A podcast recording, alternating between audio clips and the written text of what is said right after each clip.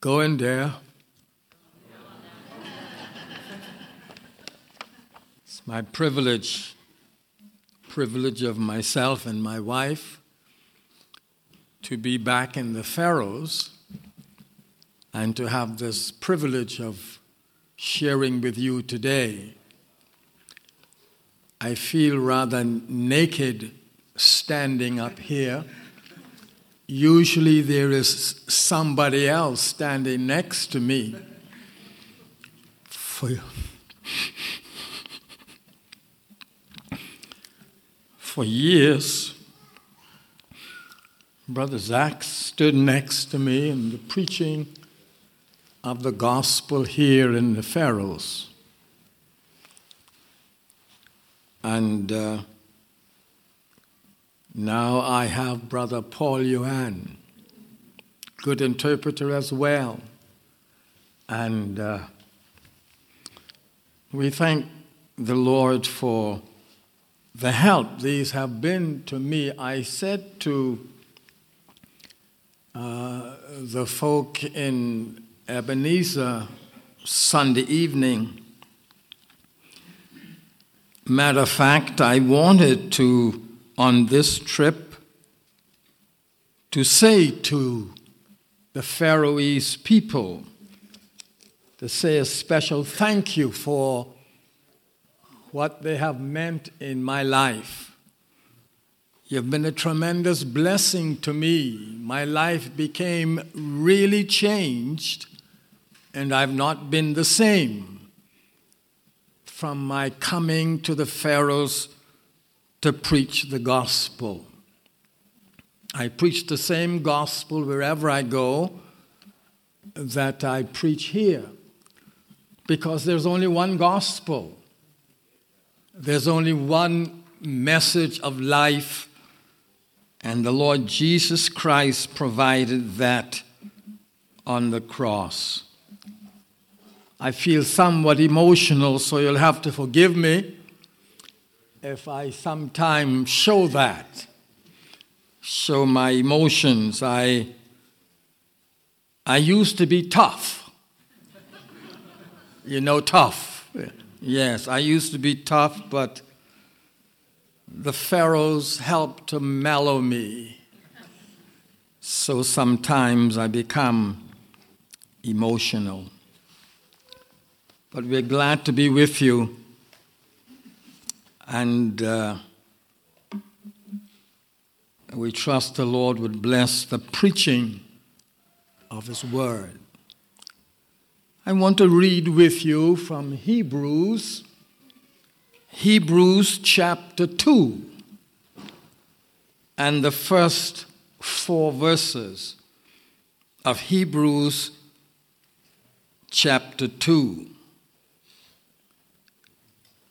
Therefore we ought to give the more earnest heed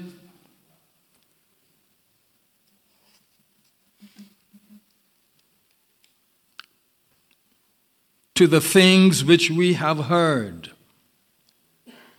lest at any time we should let them slip.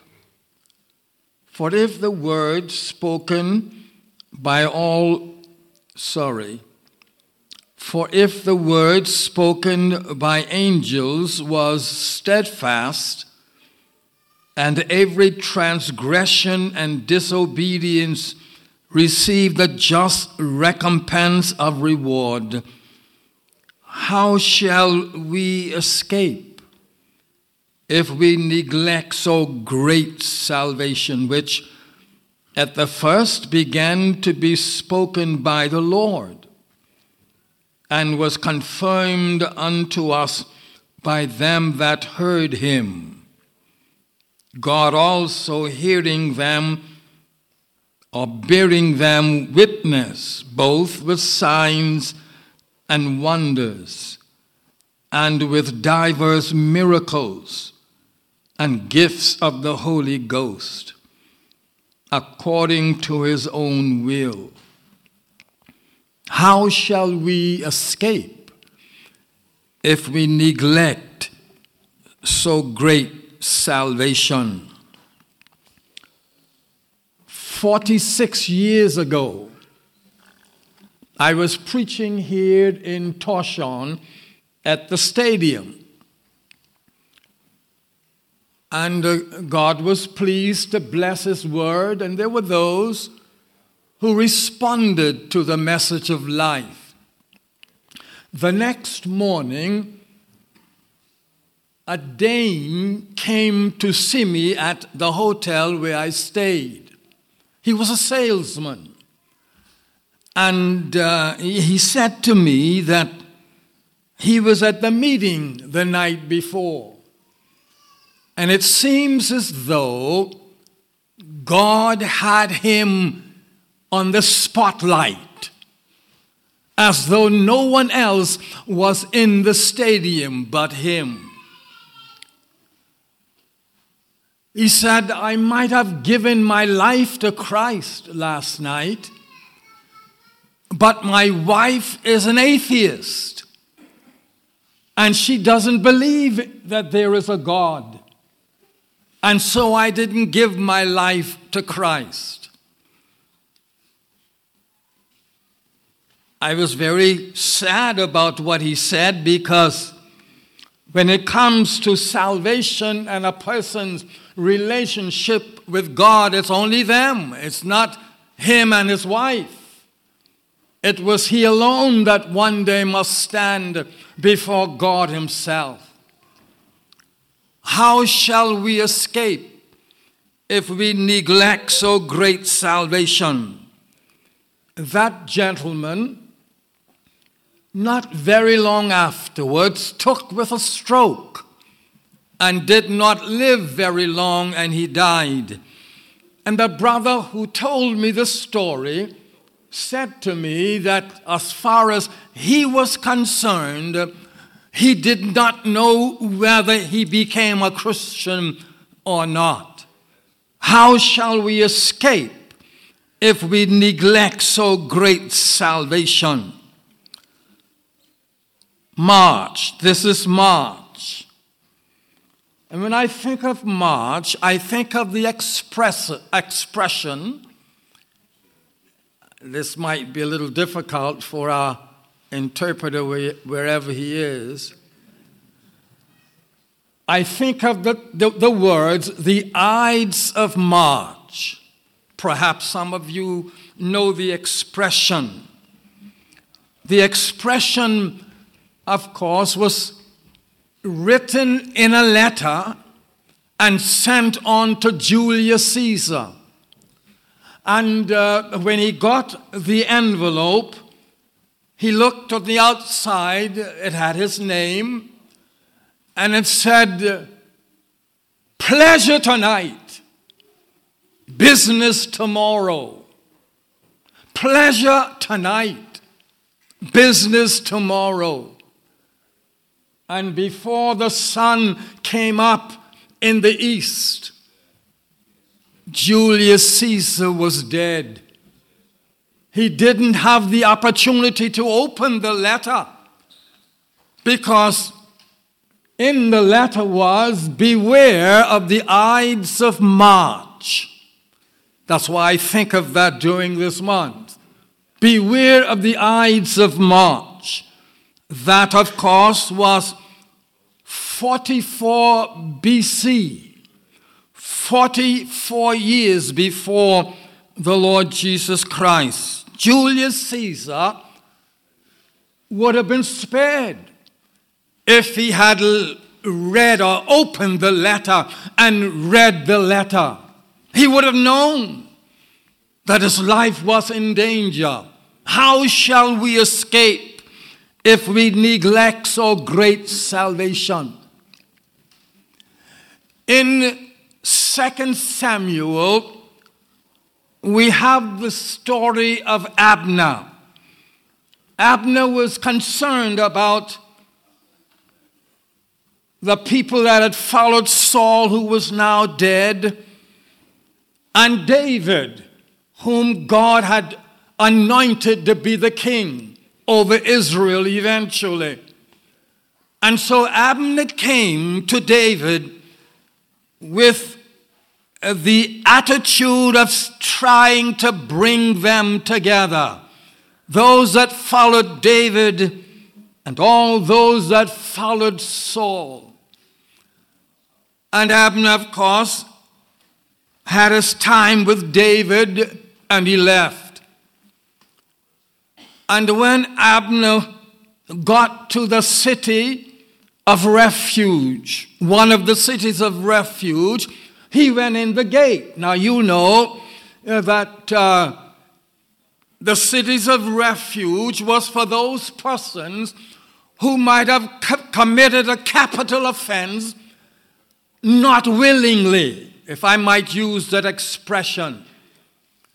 He, one of Joab's brothers, were following him and He asked him where he was going and so forth. And so he told him to go back, but he didn't listen. And so Abner killed him. And so Joab ever was after Abner.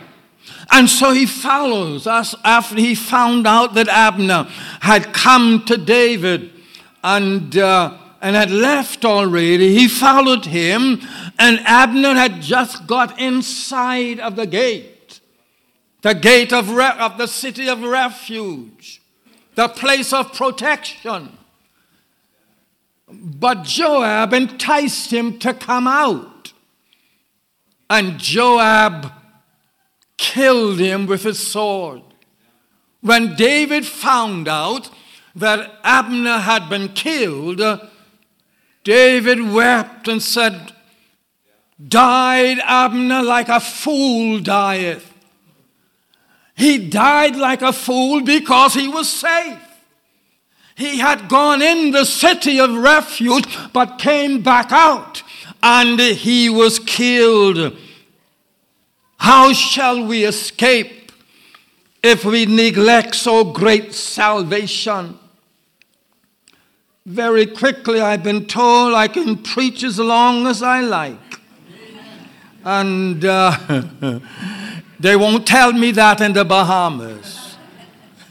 They won't tell me that in the Bahamas because sometimes I go a little longer than normal. When we come to the Word of God, going back to Genesis, we note uh, beloved, this day we note that there were three curses that was pronounced in the day of Genesis in chapter 3. When God came into the garden and found out uh, or realized that Adam and Eve had sinned. And so he cursed them. To make a long story short, There was a curse upon Satan. As we have in chapter 3 verses 14 and 15. And then of course there was a curse upon the ground. That's Genesis chapter 3 17 the latter part of 17 in verse 18. And then there was a curse upon man. There was a curse upon man. Thank God. When the Lord Jesus Christ died upon the cross, he bore the curse of man. Cursed is every man that hangs on a tree. And the Lord Jesus Christ hanged on the cross. He became a curse for us. And having become a curse for us, you and I could be delivered now with his great salvation from God's eternal judgment. And so it is a great salvation. The writer to the Hebrews said, It is great because of its cost. You see, the Lord Jesus died for our sins upon the cross. It says that in chapter 1, God who at sundry times and in diverse manners spake in time past unto the fathers by the prophets, hath in these last days spoken unto us by his Son, whom he hath appointed heir of all things, by whom also he made the worlds. In the English Bible, the word his is in italics, meaning it's not in the original. So when the Bible here speaks, when God says, hath in these days spoken to us by son, not his son, by son. Other words, Jesus was the voice with which he spoke. Jesus himself. And so it is he that came and the Bible tells us went to the cross to bear our sins. And so the writer calls it a great salvation. There is nothing greater than that would save mankind than what Jesus did for us on the cross of Calvary. It is a great salvation because of its authenticity. It was declared by the Lord. That's what it says in our text. This salvation was declared by the Lord Jesus Christ himself and it was declared also by those who followed him, by his apostles, and also the, it, the, the message was verified by miracles and so forth and so on. And so it's a great salvation because of the cost. Our Lord Jesus Christ dying for us on the cross. It is a great salvation because of his authenticity declared by God himself. It is a great salvation because God removed the curse. Hallelujah. God removed the curse. The law. The curse from the sinner. And now, beloved, it's because cursed is he, as I mentioned, who became, who died for us upon the cross. Jesus hung on the cross.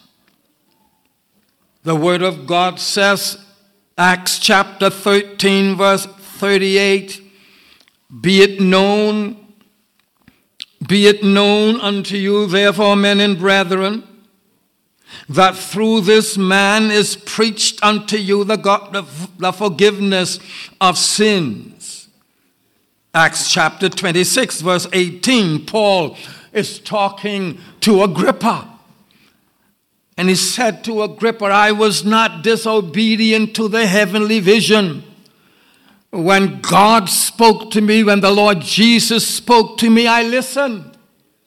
I listened Verse 18 says, As he spoke to Agrippa, to open their eyes and to turn them from darkness to light and from the power of Satan unto God, that they may receive forgiveness of sins and inheritance among them which are sanctified by faith that is in me. This is what he said when God when Jesus spoke to him and commissioned him that he might be a messenger with the gospel. And so it is a great salvation because of confirmation. It was confirmed through the apostles and through miracles that were performed by the apostles as they preached the gospel. And it was a great salvation because of its demonstration. Of its demonstration. Lives were changed. I remember the day when I heard the gospel and I got saved. My life was changed. I became a child of God. And so, beloved, How shall we escape if we neglect so great salvation? It is great, a great salvation because of its demonstration. You have seen the demonstration of the gospel here in the Faroe Islands. Many people have turned to Christ here in the Faroe Islands, many are Christians are saved. You have no excuse. I was in the barber shop not too very long ago getting a haircut or a hair trim. And uh, there was a gentleman there, a businessman, and he was he was not talking nice about the church. And when I say church, I'm talking about uh, Christians, people who belong to Christ and, and uh, uh, the Baptist church and the Brethren church and uh, such evangelical churches. He was not talking too nice about the churches. And uh, uh, so uh, I, I couldn't take it any longer. I uh, had a word with him there. I said, Sir, you have a problem. And your problem is you don't want to accept the truth. You don't want to respond to God's salvation. You want to do whatever you wish and then one day think you'll go to heaven. I said, but it's not like that. In order to get to see God's face, you must trust Him as your personal Savior. And I said to him, sir, If you don't change, you're going to go to hell. Then I asked him, I said, tell me, do you know anybody who is a Christian? Anybody at all? Oh, yes, he said. I know, uh, I know a number of pers persons who are Christians. I say, well, why don't you follow them? Why you think of people who are not Christians? Or those people who are living as they please. Why don't you follow those who are saved? You say you know some. That's the example that you should follow. Because you are not to follow people who are not saved. Oh, are not living for the Lord Jesus Christ. And so it's important, it's important to realize And so when we note that this great salvation this great salvation poses a great responsibility for us to escape. It poses a great responsibility. It says how shall we escape if we neglect so great salvation? If you neglect this great salvation, you cannot escape the judgment of God. That's what the writer to the Hebrews is talking about. He's talking about escaping, escaping the judgment of God. And he says if you refuse the gospel, you cannot escape. It's important that you trust Christ as your personal savior. And so the Lord Jesus Christ is God's answer to salvation. Note with me, the assumption indicated that people understand what they heard because of the messengers. They knew the people Peter and those were preaching to, they knew. They understood the truth of the gospel. But like today, men are trying to uh, uh, uh, destroy the truth of the gospel, to hold it down as we have in Romans chapter 1. They who knew the truth, they rejected the truth and they, as it were, held it down. But you see, you can't hold the gospel down. When God speaks, when God speaks, man must listen. I remember one time I was sitting at the airport reading my Bible. And uh, I was reading in 2 Timothy. And in 2 Timothy chapter 2 verse 9, it was a tremendous blessing to me that day. And uh, I, I read in verse 9, uh, where Paul said, the word of God is not bound. You can't bound the word of God. The word of God is not bound. And I, I, I rejoice when I read that afresh. It's, it's like I had just read it for the first time. You see, I'm commissioned to preach the gospel. I'm commissioned to preach the word of God. That's my commission. And that's all I'm supposed to do. Preach the gospel, give men and women opportunity to be saved. I can't save them. God can, but I'm to preach the word of God. And beloved, the word of God is not bound. I go home, I lie down, I go to sleep. But the word of God is working. The word of God is working. I've met folk who were saved when I came here in 1973. You know, I didn't preach a new gospel.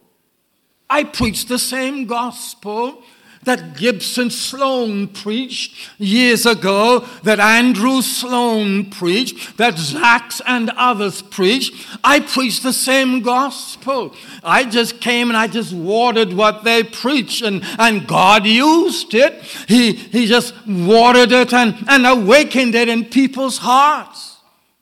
I didn't save them. I couldn't save them. I preached the gospel. The word of God is not bound. And so you and I as believers, we are to preach the word of God quickly.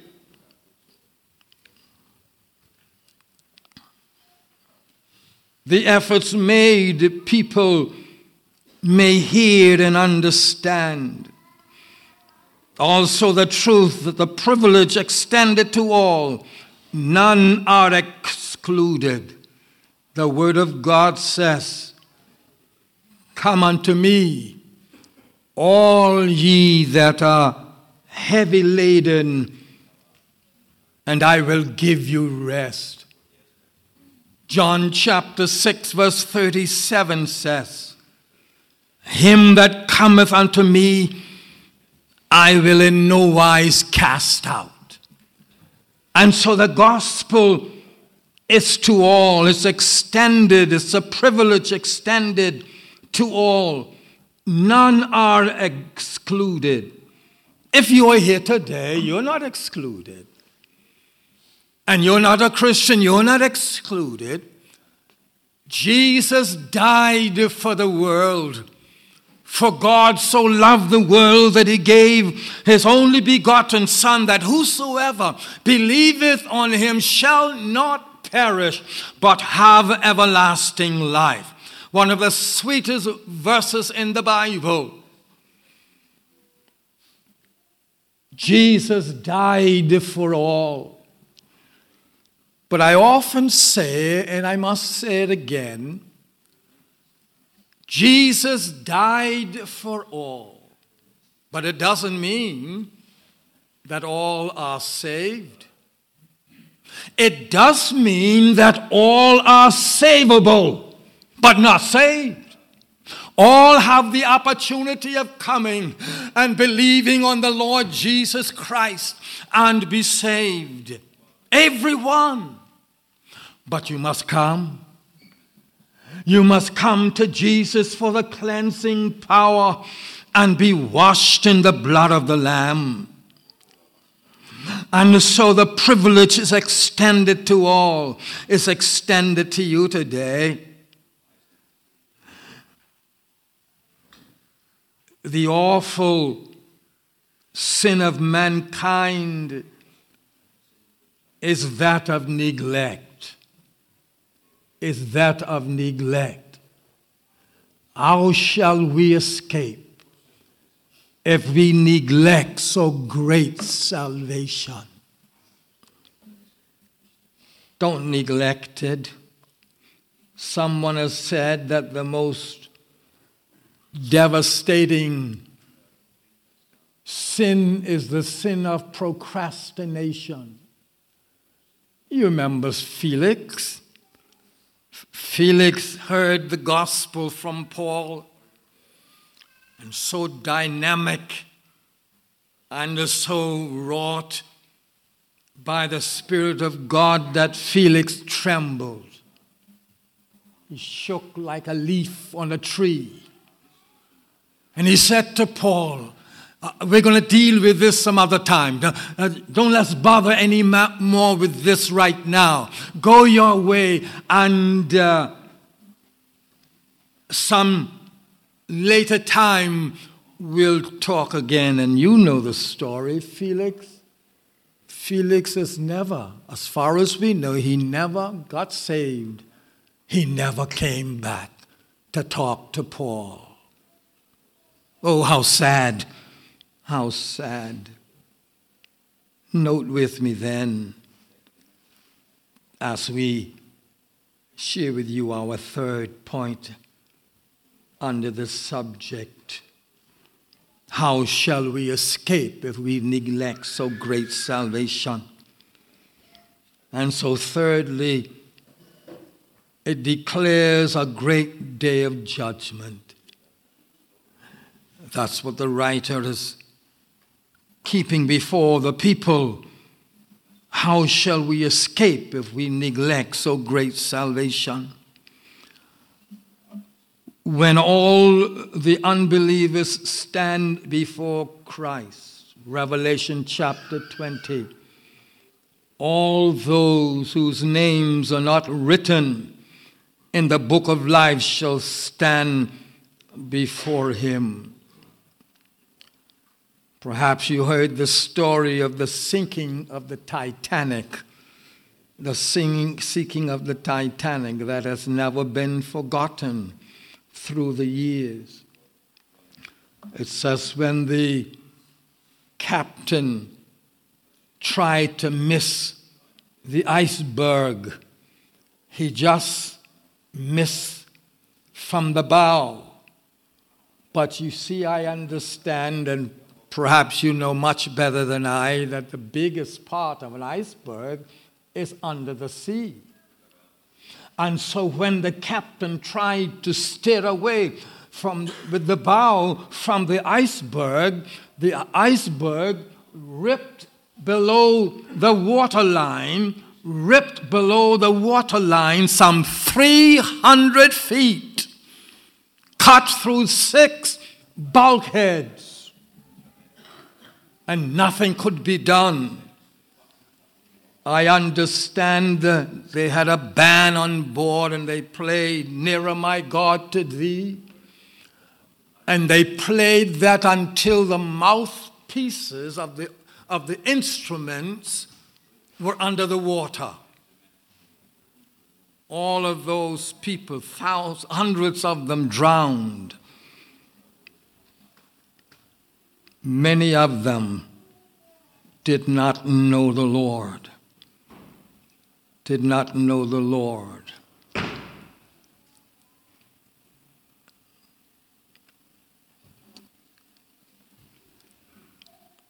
It's an important thing to know the Lord and to be delivered from his judgment. When all the books are open, The categories are mentioned. Revelation chapter 6 verses 14 following. The poor, the rich, the maimed, the rich men, the poor men, they all are before the great white throne. Great white throne judgment and their conditions are mentioned. It says, but the fearful and unbelieving and the abominable and murderers and whoremongers and sorcerers and idolaters and all liars shall have their part in the lake which burneth with fire and brimstone, which is the second death. Yes, beloved, how shall we escape if we neglect so great salvation. This is the day to escape. This is the day to escape. God's judgment. When you hear the gospel and the Lord Jesus by his Spirit is speaking to you, calling you to himself, whether you are young or whether you are older, it's the call that you might escape the judgment of God. Today, if you would hear his voice, the Bible says, the door of the ark is open today. Jesus stands and calls today. For he says today, if you would hear his voice, Harden not your heart. Harden not your heart. Today, if you would hear his voice and open the door, the door of your heart, it says he will come in and will sup with you and you with him. He will save you. He will deliver you. How shall we escape if we neglect so great salvation? Shall we bow for prayer, please?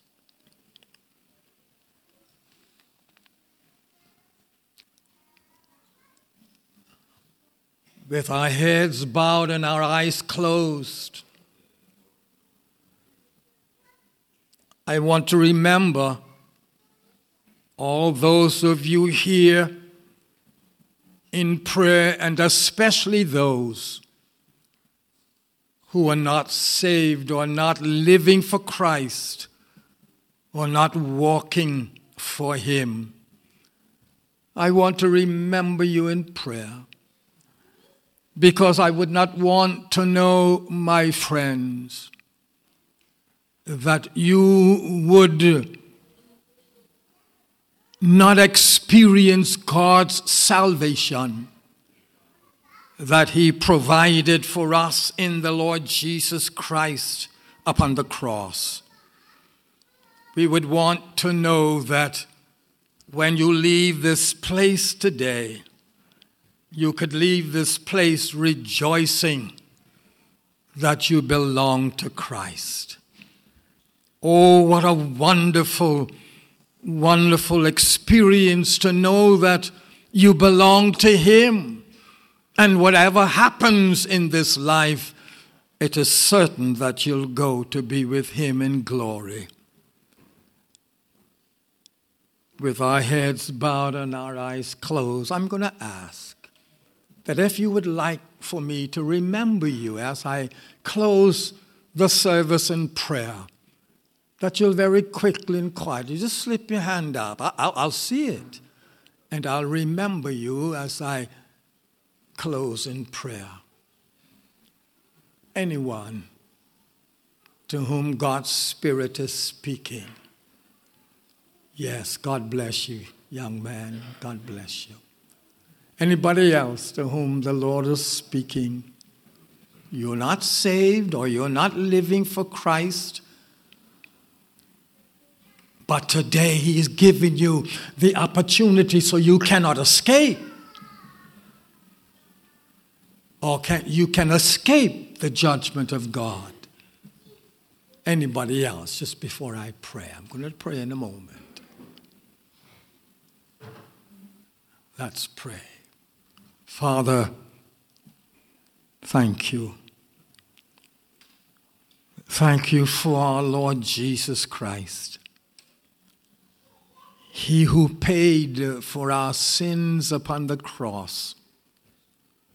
He, through his death, made it possible that all mankind might be saved. That no one would have to be lost. No one. Oh God, we thank you We thank you that though he knew what it meant for him to go to the cross, he was willing to go. He was willing to bear our sin in his body on the tree. Oh, Father, we bless you. And thank you that many here in this building, in this service, have come to you and they know that all is well with their soul. Bless them. Continue to minister to them. Help them, Father God, to grow in grace and in the knowledge of our Lord Jesus Christ. For the young man who raised the hand, O Lord, you know why the hand was uplifted. You know what that uplifted hand speak of in his life. We pray, O oh God, that today, today as he would have heard the voice of God by the Spirit, he would ask Christ to come into his life. We thank you, Father, for this day and for this privilege to preach the word. Get glory for yourself and yourself alone as we lovingly trust you. In Jesus' precious name, amen. Amen.